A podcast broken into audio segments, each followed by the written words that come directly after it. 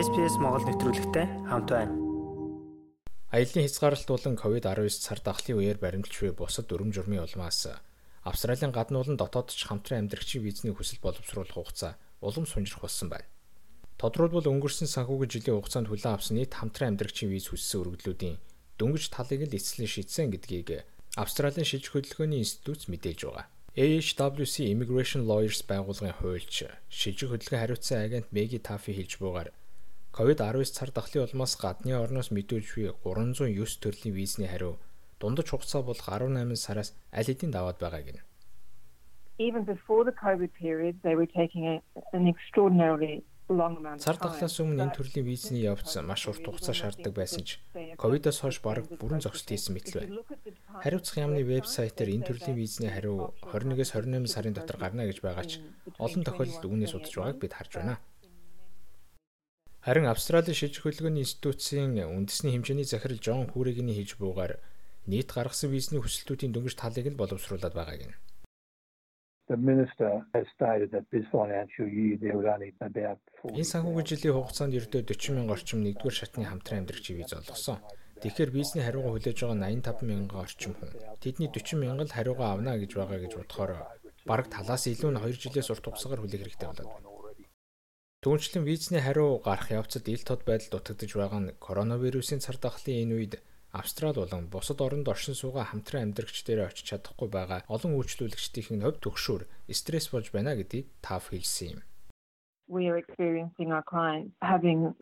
Манай үйлчлүүлэгчдэд сэтгэл зүйн дарамтд орж ирснийг бид харж байна. Тэдний хувьд аслагдсан байдалтай байна. Зарим хүүхэдтэй хүмүүсийн хувьд санхүүгийн талаас дарамтд орж эхэлж байна. Өөр бус нь гэр бүлийн харилцаандаа илүүтэй санаа зовсон байдалтай байгаа. Мөн зарим нэг нь энэхүү урт хугацааны тодорхой бус байдал хизээ эсдгийг мэдэхгүй байгаагаас болж сэтгэл зүйн талаас ч асуудалтай нүүр тулаад байна. Харин хүүрийгний хэлж буугаар гадаадд байгаа хамтран амьдрагчийн виз хүссэн хүмүүсийн хувьд Австралид нэвтрэх боломж нээлттэй байсаар байгааг нь. Тодорхойлбол тэдгээр хүмүүсийн хувьд Австралийн иргэн эсвэл байнгын оршин суугчийн хамтран амьдрагч гэдэг утгаар нэвтрэх зөвшөөрлөө аялын виз мэдүүлэх замаар Австралийн гайлын хүчний комиссараас авах боломжтой гэнэ the uh, problems start to arise in relation to de facto couples. Албан бус улсуудын хувьд асуудлууд гарч эхэлж байна.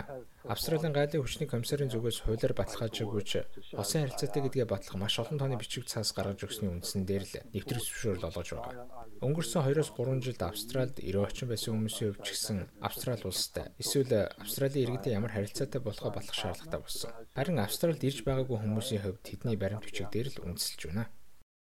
Цар тахлын цаг үед шинээр гэр бүл болох гэж буй хүмүүс хилээр нэвтрэх зөвшөөрөл авах нь маш хэцүү байгаа гэдгийг хүүрийг нь болон тафын аль аль нь хэлж байлаа.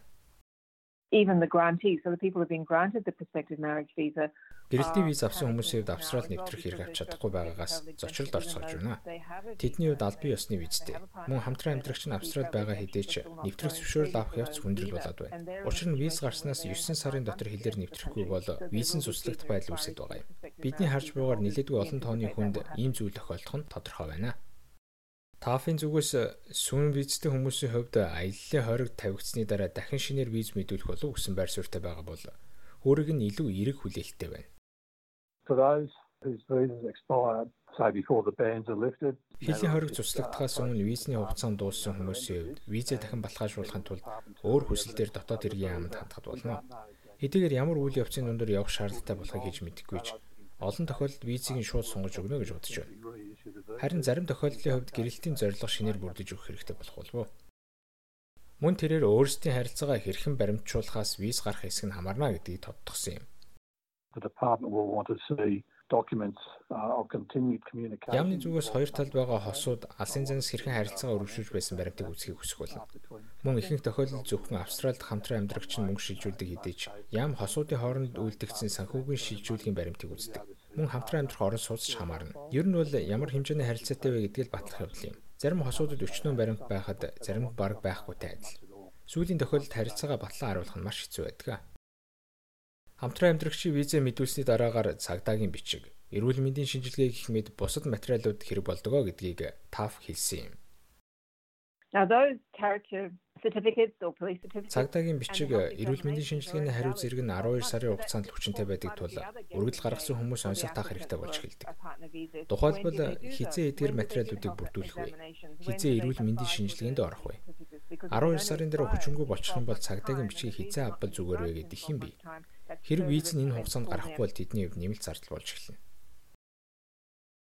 Хэрв таны визний хүсэлд боловсруулах хугацаанаас хэтрээгүй байгаа бол дотоод хэргийн яамнаас ямар нэгэн хариу өгөхгүй гэдгийг таах мөн хэлсэн юм. Хэрв таны хариу 21-с 28 сарын дараа гарна гэж мэдэгдсэн бол 28 дахь сарыг дуусгах хүртэл шилжих хөдөлгөөний яамнаас визтэй холбоотой ямар нэгэн лавлаганд хариу өгөхгүй. Энэ үйлчлүүлэгч болон бидний хувьд ч гэсэн өргөдөл яг ямар шатндаа яваг мэдэх боломжгүй болгож байгаа юм. Харин энэ хугацаанд хийх хамгийн зөв алхам нь бусад нэмэлт баримтуудаа гаргаж өгөх явдал гэдгийг таах болон хөрийг хоёулаа зөвлөж байна. Осуудын хувьд Skype, Messenger, WhatsApp, Viber гээд ямар ч хамаагүй чат эсвэл захим шуудангаар харилцах замаар харилцаагаа баримтжуулж байх хэрэгтэй. Аль боломжтой мууж нутаг дэвсгэр дээр өөрсдийн албажаагүй харилцааг бүртгүүлэхийг таав зөвлөж байлаа. Ингэснээр виз гарах, цаашаад Австралид нэвтрэх зөвшөөрөл авахд төхөмтэй болох гин. Харилцаагаа бүртгүүлэхийн тулд хосуудын нэг нь л тухайн мууж нутаг дэвсгэрд оршин суудаг байх болох тул аль болох хурдхан бүртгүүлэх хэрэгтэй. Австрали улсад амьдарч эхлэх гэж байна уу? Хэрэгтэй мэдээллийг SBS.com.cg юу? Урагшаа зураас Mongolian хуудасаас хүлээн авах нь